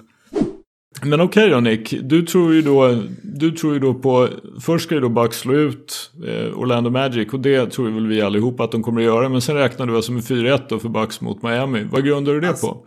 Alltså 4-1, 4-0 egentligen, men jag tänkte vara snäll mot Stefan. Han hypar upp Miami och allt det där. Nej men alltså Miami, de, alltså, de har blivit så fruktansvärt överskattade. Alltså det... Har de blivit överskattade eller, Men alltså, eller har de faktiskt Nick, gjort bra lägg ner det här med. Instagram och Twitter-troll och massa sånt där tjafs. Utan titta nu på matcherna och se vad du ser. Säg vad du Men ser där. Bry dig inte om men vad vad- andra säger, utan se vad du Instagram? ser. Varje morgon när jag vaknar, det första jag gör är att kolla på bänkvärmarna på Twitter, den här gruppen vi har. Det är ju bara hyllningar om Miami. Alltså, det är ju lätt det laget ni ni skriver om mest. De, de, slår, de slår ju Indiana som inte har Sabonis. Oladipo går ju på ett ben. De strugglar ju typ. Det, tre och fyra matcherna var tajta. De är inte, kan vi bara säga att de inte är contender? När ni har sagt det då, så kommer jag släppa det här. Men de är Men inte en du tycker contender. fortfarande att Clippers är storfavoriter? Ja, ja, alltså Clip- mest. Vadå, Miami och Clippers nu? Ja men alltså du pratar ju om att Heat strugglar. Vad tycker du då att Clippers gör? Heat vann med Clippers 4-0. Jag, jag sa ju precis att de är på väg att bli liksom utdömda som laget som drog den sämsta traden någonsin. Alltså de, det har inte sett bra ut. Men Fast nu pratar vi inte om traden, nu snackar vi om deras enskilda insatser i slutspelet. Ja, ja, och det är oroväckande. Det finns ju risk de åker ut, jag har sagt det. Men jag litar mer på Clippers än på... Ty- Tyler Hero spelar in TikToks precis lika mycket som Kyle Kuzma. Lita aldrig det på en att basketspelare som spelar... Tyler Du, Hero är en jo! av de största överraskningarna Du! i, i den här Alla rookie-klassen. Fortnite-nördar, paddelspelare, TikTok-nördare. Alltså, jag tror, jag litar inte på dem. Nej, okej, du litar inte på det. Samtidigt som du sitter här och käkar upp allt skitsnack du har dragit för ett år sedan om Luka Doncic och han sitter och spelar Fortnite mer än vad du och alla dina tio grabbar gör tillsammans. Jag sa, jag har Trött sagt att jag, jag, jag har sagt TikTok att jag har och fel. Twitter Vadå? Fortnite. Lägg ner. Lägg ner. Du sa att Carl Anthony Towns kommer... Vad var det du skrev? Hans knä kommer gå av inom några månader. Ja, Så det, det, den taken är ju inte bra heller. nej, du kan ju hitta den där taken någonstans. Ja, men alltså, jag tycker det är lite konstigt Nick, att du liksom, varför blir du uppslukad av Instagram och TikTok och allt vad det nu är för någonting? Du ser ju någonting, du ser ju någonting som pågår på banan.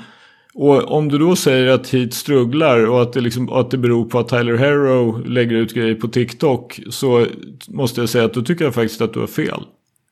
Okej, bra. Vi får se. Det beror inte på Tyler Hero att han lägger ut någonting på TikTok om det är att Miami åker ut mot Bucks. Om Miami åker ut så kommer det bero på att han hänger på TikTok. Han är...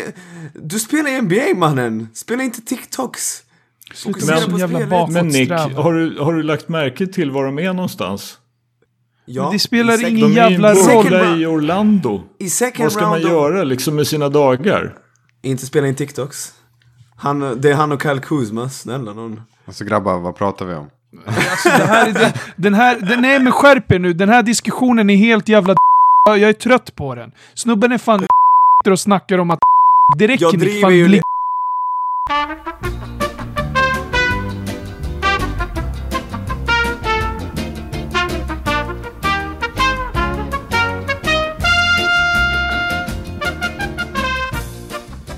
Johansson, Bucks, mot hit. Okej. Alla drar åt helvete. Ty- Tyler Hero spelar in TikToks precis lika mycket som Kyle Kuzma. Lita har aldrig på en basketspelare som spelar... Tyler Du, Hero är en jo! av de största överraskningarna Du! i, i den här Alla rookie-klassen. Fortnite-nördar, paddelspelare, TikTok-nördare. Alltså, jag tror, jag litar inte på dem. Det är en av de största och viktigaste debatterna i vår tid, så det är inte så konstigt att vi återkommer till den gång på gång på gång. Argumenten återkommer, shots are fired och som vanligt är det Stefan som skjuter vildast och mest. Jordan eller LeBron, vem är the GOAT? Addis är inte imponerad av Jordans 63 poäng i slutspelet mot Celtics. Han kan sträcka sig till att mm, det var ju nice men han sköt inga treor. Stefan kan inte se skillnad på Jordan och DeMar DeRozan lika lite som han kan se skillnad på ett system och Steph Curry. Nick håller Jordan etta men argumenterar oavbrutet för LeBron. Johansson håller sig i bakgrunden, fnissande. Sheldon håller med en boomers envishet fast vid att Jordan är the GOAT och använder både the eye-test och siffrorna och har tyvärr vid några tillfällen sett sig tvungen att ge LeBron ett knivhugg eller två i ryggen. Ber om ursäkt för det LeBron, det är inte meningen, det är bara collateral damage. Nöden har ibland ingen lag började faktiskt tänka på igår när jag tittade på Utah-Denver-matchen. Eh, Mitchell landade ju på 57 poäng till slut. Eller hur? Och då Ja. kom det lite sån här fin grafik då på eh, League Pass om att det var den näst högsta slutspelspoängen va? Stämmer det? Ja, jag tror det. Ja, efter Jordans 63 mot Boston. Mm. Ja. Och det är fint. Ehm, men det, det jag satt och tänkte på då var, alltså Mitchell var ju jättebra igår. Jag vill inte ta ifrån honom någonting. Men ehm, jag kände lite så här, den här Jordan 63, den har ju mytologiserats eh, ganska enormt. Eller hur? Alla vet om den. De, den har Mm. vevats. Trots att de torska i, var det dubbel OT tror jag. Eh, som de Ja, torskade. ja. Något sånt. Mm. Jag kände bara så här. Ah, jag vet inte. Jag är inte såld på Jordan 63 mot Boston. jag kände bara så här. Om Mitchell droppar 57 och jag var lite så här. Ja, det var ju nice. Men ja, jag vet inte. Ja. Jordan 63 blev, blev liksom inte speciell längre. Det var så här. Det kan ju Lillard göra nästa vecka. jag behöver, jag behöver inte längre bry mig om de här LeBron Jordan-jämförelserna. För att om 20 till 30 år, och det är jag faktiskt ganska säker på, nu är jag seriös. Jag tror att om 20 till 30 år kommer basketspelare vara så skillade och de kommer se på footage av Michael Jordan från 80 och 90-talet. Och han kommer inte vara den där självklara ettan som han är idag. Utan jag tror att spelet kommer liksom utvecklas, folk kommer bli mer och mer skillade. Och det kommer komma till en punkt där majoriteten, alltså majoriteten idag älskar Jordan så gör de som rätt. Det kommer komma till en punkt där han inte är en självklar etta. Och det ger mig så mycket peace. Jag har en fråga Nick. Ja. Hade inte Michael Jordan varit DeMar DeRozan om, inte, om han hade spelat nu? Han hade varit en... Herregud. Hade han inte Herregud. varit DeMar Hörru DeRozan? pyromanen. Gå och lägg dig nu. Gå och lägg dig nu. Gryningspyromanen. Du har varit vaken för länge Stefan. Nu får det bli att gå i säng för dig det blir ingen efterrätt. Du kan möjligen få liksom några rapp med rottingen. Nu får du skärpa dig. DeMar Michael fucking DeRozan. Jordan. Alltså, Michael Jordan är herregud. DeMar DeRozan. Den här diskussionen har blivit infekterad dock. Så jag förstår vad du säger, Sköldström. Men det har blivit väldigt infekterat och det blir mer och mer infekterat för varje år. Och det beror ju såklart på Jordan-fans. För de är ju nötter, pappskallar, de flesta, inte alla. De har ju hackat på LeBron sen första dagen han klev in på planen och började jämföras med Michael. Det är de som... De är rädda. De, de dumifierade den här diskussionen. alltså lugn till. Det fanns inte varken Instagram eller Twitter jämför- 2003. Det enda man jämför är antalet titlar. Det är så idiotiskt. Jag hatar det. Det är Jordans fans som började med det här. Det, alltså jag driver inte. Det är ingen troll. Det är de som började. Och nu är det folk som jag, dumma nog, att faktiskt sjunka till den nivån och lägga ner hur mycket tid som helst på att förklara att, vet du vad? De kan jämföras faktiskt. Jag förstår om du har Michael som etta. Det har jag också. Men LeBron gör sjuka saker, inser det. Referera inte till fucking 3-6 i finalen hela tiden. För det innebär bara att du inte har någon jävla aning om vad du snackar om. Ja, alltså som sagt, kom igen när ni har three peats. Då, då är, och dubbla 3-peats dessutom. Då, då kan vi prata. Kom, kom tillbaka när MJ har eh, eh, tagit tre olika lag eh, till final och vunnit titlar med tre olika lag och dessutom vunnit Ni, Finals ni MVP lockar ju alla in fyra. mig till det här, men alltså kom tillbaka Kom när tillbaka du har då. ett lag från Kom tillbaka. början som du bygger och inte ett lag som du går till. Där du går Kom till tillbaka. LeBron, till Dwayne Wade och Chris Bosh och där du sen går tillbaka och ser till att du har Kyrie Irving. Fyra Finals Kevin MVP. Trade för Kevin Love och sen så går du till Lakers och okej, Clutch Sports okej. fixar Anthony Davis. Du går dit alltså. Det är klart att jag går dit. Vadå tre lag? Ta tre lag till. Det spelar ingen som helst roll för mig. Och det spelar ingen roll som helst för dig heller Nick. För du säger att klubbar bara är organisationsnummer. Så nu kan du sätta dig ner. Men va? Du, Öppnar du, tar, starkt. du, tar, du bara bekräftar min poäng. Vi släpper den här konversationen. Han är... Ja, och det är bara den bästa någonsin som kan göras här. Ja, LeBron alltså. Skölden, Skölden, Skölden! Reagera Skölden, låt han inte säga sådär. Ta det mycket lugnt Nick. Jag är helt förberedd. Jag är helt förberedd. Mig veterligen har Michael Jordan aldrig skjutit över 40% från tre. Aldrig. Nej. Jag fattar Nej, inte er fixering vid treor. Alltså det är liksom... Det där var det mest, bo- mest on-brand boomer-svaret det hade kunnat Ja, komma. alltså, någonstans, någonstans är ju det hela väldigt, väldigt enkelt. LeBron har en scoring title, Jordan har tio. Språk är svårt. Både att förstå och att uttala. Fråga skölden. Fusk att säga att man hellre tar Donovan Mitchell än Dame Lillard idag därför att Dame Lillard som femma. Skölden, jag har en liten fråga eftersom du ändå har lovordat eh, Damien Lillard nu.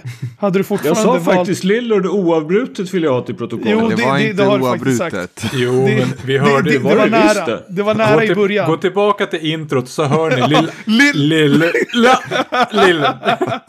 Men, jag, jag lovar, gå tillbaka och lyssna. Ja, ja, ja. Jag Ja, vi med. kan jag gå med. tillbaka men jag sa inte det ni säger. Det kan, gå Nej, tillbaka och lyssna. Jag är kan vi- hundraprocentig idag. Ja, ska du klippa in det här nu så att vi bara vet? Curry vann trepoängstävlingen eller att Dame, Lill- Dame Lillard avgjorde. Dame, Lill- Dame Lillard avgjorde.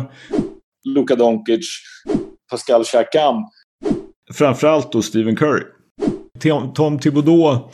Jo, men jag vill ju ta en roligare hot take än att Nick Spire ska skjuta. Jag menar. Nick Spire. Oj, oj, oj. Vem, vem, vem är Nick Spire? Jag, vet inte. Vem är Nick Spire? jag har varit för mycket med skölden. Det är Lillard. Nice, nice try. Ja, det här är... Han, han, håll, han är ju med där i bänkvärmarna. Eh, all, uttal team. Han, Lillard, Ja. Doncic. Vem hade vi mer? Chakam. Chakam. Nick Spire. Jag älskar tjackan I avsnittet där Kalis Lloyd gästade oss ställde Nick den enda viktiga frågan. Gillar Kalis oliver? Som tur är tog Kalis också tag i saker och ting själv och var väldigt tydlig med vilket landslag som är mest kryddigt. Men vad, vad, är ditt, vad är ditt intryck, Kalise? Nu försöker inte jag skapa någon form av polemik mellan dam och herrlandslaget på något sätt när det kommer till socialt ansvar. Men upplever du eh, att det är en skillnad i vad damerna gör kontra herrarna? Självklart, både i liksom hur vi syns ute i samhället och även i vilka eh, ställningar vi tar i politiska åsikter. Där har ju Amanda tagit en väldigt stor eh, roll på sig och det, det, gör, det, är, det är jättebra att hon eh, gör det, att hon vågar göra det. Jag tror att eh, det är inte lika mycket krut i herrlandslaget på så sätt att kunna ta ställning, att man vågar ta ställning. Mm. Det, man, ibland kan man tappa vänner, ibland är det människor som ifrågasätter en. Eh, men jag, liksom, jag tycker ändå att vi vågar göra det. det jag, Vad tror du det beror på då? jag tror att vi bryr oss lite mer, helt ärligt. Eh, sen är det ju synd, de får ju automatisk eh, uppmärksamhet på grund av att de är herrar så att vi måste ju göra lite mer och mycket mer ifrån oss än vad, vad de behöver. Men samtidigt så tycker jag vi står för mycket mer. Jag köper det rakt av. Um, till, till, exempel, till exempel den här Black Lives Matter uh, Round Table Talk. Um, där finns ju uh, jättemånga mörkhyade spelare på herrlandslaget. Mm. Eh, jag undrar, de kanske har blivit inbjudna, kanske inte har blivit inbjudna. Men för mig borde det vara en självklarhet att någon av dem vill tycka någonting och vill ta en ställning. Eh, istället, väljer vi, alltså, istället har vi valt människor som verkligen vill dela sin åsikt och det är jättebra att de gör det, de som är med nu. Men man hade ju hoppats att det skulle finnas någon herrlandslagsspelare som skulle ta en ställning, alltså en aktiv ställning i det hela. Jag köper inte att de, att de har mycket mer att förlora för att det... Vad, vad förlorar de? Jag, säger, jag sa inte på något sätt att det var rätt, men de förlorar mer pengar. Jag tror att det, det blir på något sätt någon sån här eh, Alltså att man upplever, eller genom en upplevelse snarare. Jag säger inte att de har mer att förlora, men jag tror att de upplever att de har mer att förlora. Att, de att det på något sätt, ja men det är lika bra att vara tyst. Jag, jag jag avstår från att lägga mig i den här debatten. Och det är som sagt det är väldigt, väldigt synd. Jag tycker precis som du. Det borde, jag hoppas, man vet ju inte. Det är mycket möjligt nej, att nej, och kommer det en jag också. Jag vet ju inte om de har blivit tillfrågade eller om de, om de kanske har tagit ställning. Men från vad jag Mm. har sett så tar de ju inte st- stä- ställning utanför. Eh, och det kan jag tycka är, det blir man besviken över. Men jag tror inte att de har mer att förlora. Alltså att de inte tar ställning på grund av att de har mer att förlora. Det, Nej, för någonstans så måste man ju också liksom förstå vad som är viktigt för, för en själv som människa. De kanske inte nödvändigtvis har satt sig in i situationen på samma sätt som, som ni damlandslaget har gjort. Eller så har de det, bara att de ja, men inte har, har sagt något om det. Det vet jag inte. Men någonstans så tycker jag också att man måste förstå vad som är viktigt och vad som är rätt och att man ska stå för något. För gör inte det, då är du bara en syltrygg. 100 procent. Det är ju det är därför det är lite kryddigare i damlandslaget än vad det är i herrlandslaget. Vi kanske är lite mer feisty, vi kanske har mer eller mindre eh, grupperingar eh, eller vad det än är. Eh, men ni kan inte säga att vi inte, alltså ni, inte ni, men man kan inte säga att vi inte står för något. Det kan knappast bli större för en svensk NBA-podd än att få Jonas Jerebko som gäst. Och det fick vi. Jonas Jerebko, Sveriges genom tiderna bästa spelare och första svensk som spelat för det svenska landslaget som också spelat i NBA, slog sig ner med och på bänken. Förutom att bjuda på mängder av inblickar från sin karriär och sin person släppte han också nyheten som gjorde att han och bänkvärmarna under en liten stund toppade Sportbladets sajt. Ja, för mig är det lite så här, jag, jag, alltså, jag har ju följt dig i NBA och alltihopa. Jag, jag fattade inte riktigt varför, alltså, det, alltså eh, hur det kommer att ingen plockar upp dig. För nu är du ju en stretch big i princip. Mm. Jag menar, vi går ju mot det och vi har ju sådana typer i, i, i princip varenda lag. Ja, vi, Ehm. vi är ju en podd här så vi kan ju bara snacka lite så jag kan bara berätta för er hur, hur det gick till då. Det är liksom, den här Mm. storyn har inte riktigt kommit ut men som sagt, jag och min fru vi gifte oss i Detroit för, för ett ganska bra tag sedan. Så vi, eh, vi har ju varit gifta men vi hade vårt officiella party då i, i Sverige så jag bjöd in min dåvarande agent. Vi var familj, släkt och vänner. Ehm, hade det bra i, i, på västkusten i några dagar liksom. Och detta var ju efter finalen, jag har spelat NBA-final. Uh, Så ett, jag tror det var en dag efter bröllopet, där festen som vi, eh, min agent hade ju varit där och, och haft det bra. Eh, jag hade inte sett honom på telefonen någon gång under hela helgen så det var ju lite konstigt. Men, uh, så eh, när vi satte oss ner för lunch då så, så var det liksom, vad, vad har du för, för erbjudanden? Och då säger han, nej jag har ingenting. Och liksom man har spelat NBA-final precis, du har ingenting i Europa, du har ingenting i NBA, du har ingenting. Alltså. Uh, så han sa nej, jag har ingenting. Uh, så självklart så Alltså jag är inte den som får panik så för mig, för egen del var det ganska lugnt. Men jag har ju folk runt omkring mig som bara, vad är det, vad är det som händer liksom? Du har precis spelat NBA-final, det är klart du ska, du ska ha ett kontrakt nu.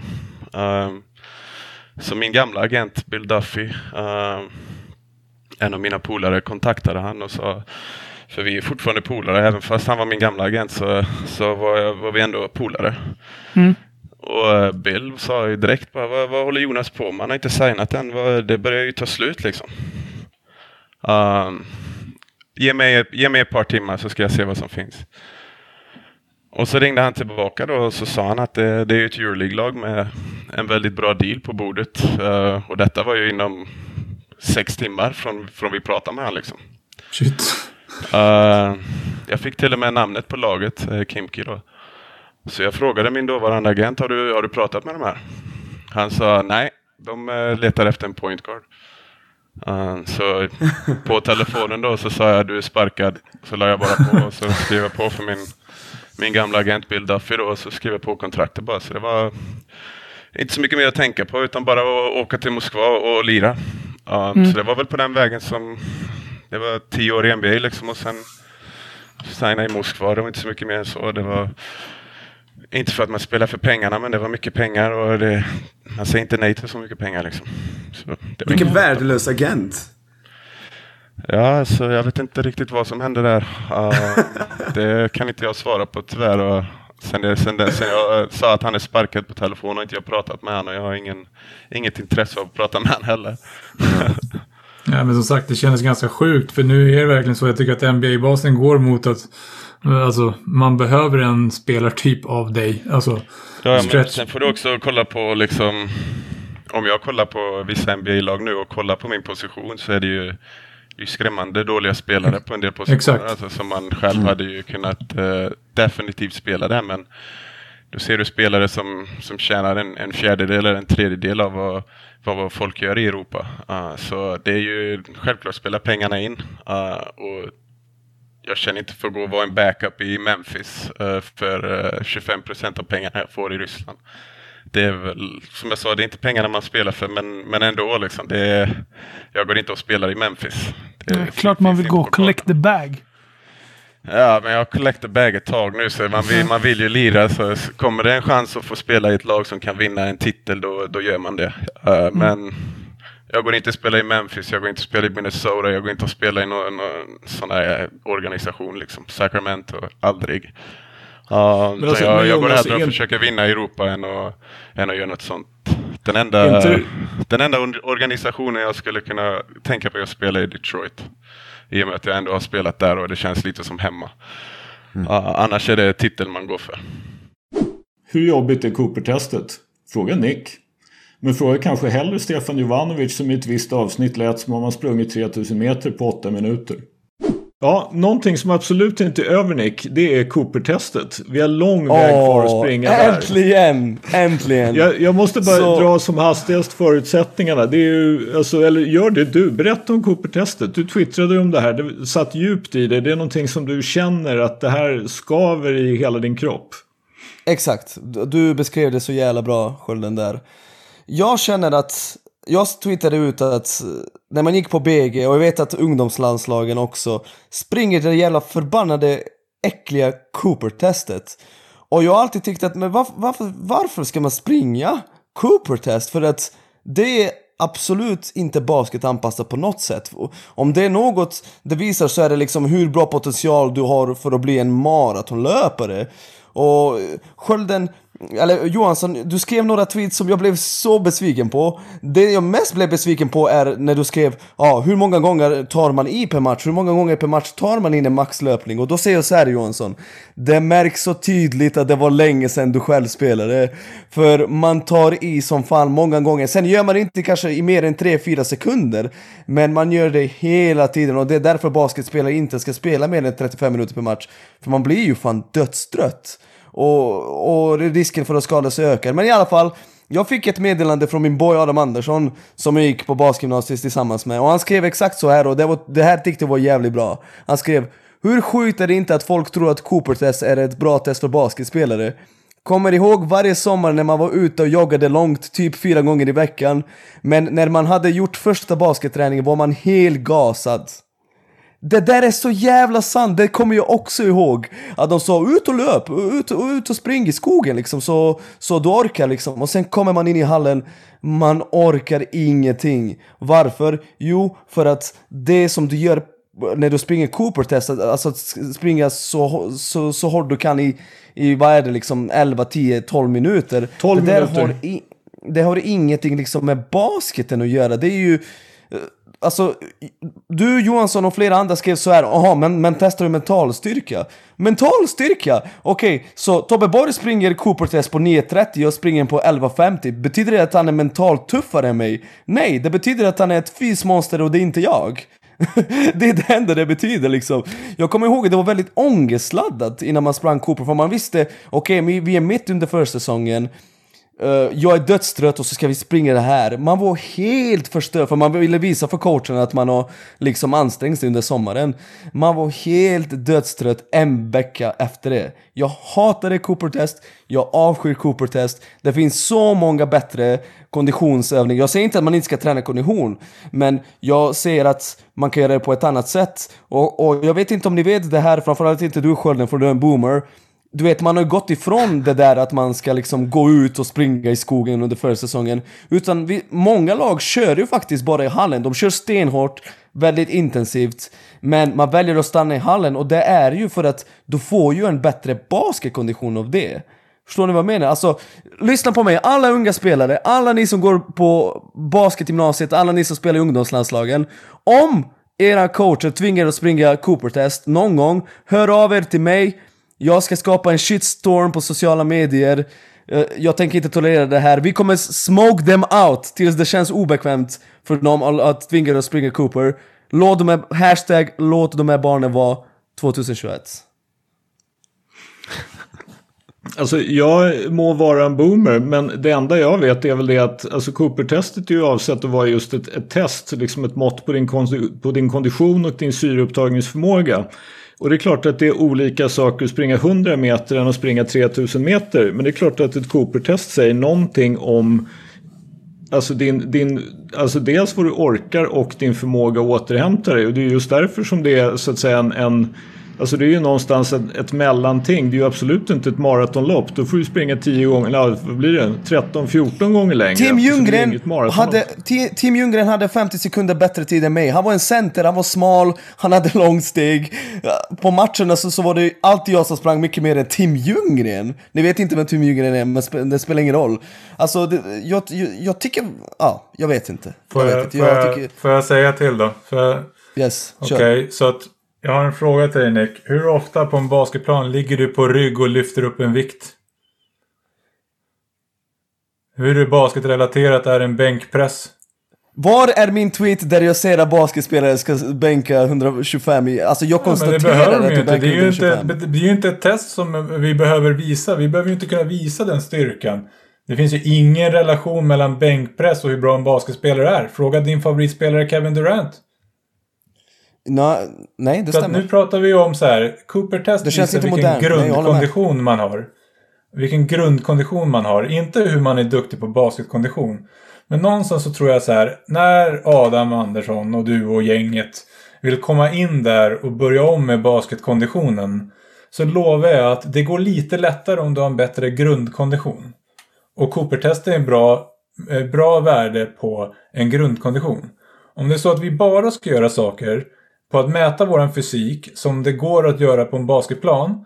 Då tar vi bort dips, chins, bänkpress. Alla de där fystesterna är ju bara borta då. För det är ju exakt samma sak som du just beskriver. Sen, din andra grej var så här. Jag sa att om man tittar på en basketmatch så sker det väldigt få max längre sprints. De som springer över golvet ordentligt hårt. Okej, det sker en maxansträngning i 2-3 meter då och då. Om du får gissa då, vad tror du att NBA-spelare, som ändå är de största, mest atletiska och där spelet går som snabbast. Vad tror du snitthastigheten är per minut på en basketspelare där? Det det har jag ingen aning. Det vet du att du inte vet. 7 kilometer i timmen. Ja, men alltså, Johansson, du måste Förstår förstå du? För att man står stilla, man joggar rätt mycket. Och det är väldigt få gånger, om du ser det byta från anfall till försvar. En 100% sprint, det kan motsvara, det är en fotbollsrush på 50-60 meter. Väldigt få basketspelare springer i den hastigheten. Så okej, jag förstår din hat mot Cooper.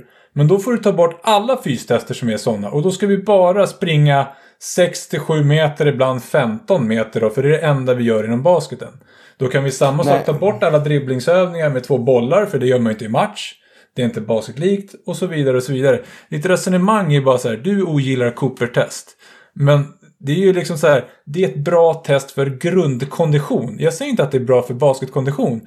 Men jag tror att det är bättre, lättare att bygga upp ett baskettempo om du har en bra grundkondition. One eternity later. Ja, jag tror, inte vi, jag tror inte vi kommer vidare. Kids will revolutionize the world. Ja, vi, vi ska ändra på skiten. Hashtag våga vägra Cooper. Jag sa innan den här podden att jag var klar med coacheriet. Jag är inte det längre. Jag märker det. Jag, jag är mest förtvivlad över att vi har suttit här och pratat om ett jävla Cooper-test i typ 15-20 minuter utan att egentligen komma fram till något vettigt. Jag ska starta en studie grabbar, jag ska starta en studie och jag kommer att motbevisa er. Boom. Ni är inte helt säkra, men jag är säker. Okej, ja. Skölden är alltid säker. Skö- vet du vad skölden är, Johansson? Nej. Han är vår kondom. Va? Okej. Det var most, Wow. back, det var most backhanded compliment idag. Jag tror att vi går vidare till något roligare än så. Du har precis lyssnat på jubileumsavsnittet av Sveriges största basketpodd, Bänkvärmarna. Intromusik, Mario Dri och Stefan Stanovic. Deltagare, Henrik Johansson, Stefan Jovanovic, Nikit Sarajcic, Addis Nimmerstam och jag, Henrik Sköldström. Produktion, Addis Nimmerstam. DJ Premier, även känd som Primo. Stort tack för att ni har lyssnat. Bänkvärmarna finns i sociala medier på bankvarmarna.se bankvarmarna.se på både Facebook, Instagram och Twitter. Glöm inte att prenumerera på vår podd på diverse streamingtjänster. Ta hand om er därute och glöm för fan inte att bänken aldrig ljuger.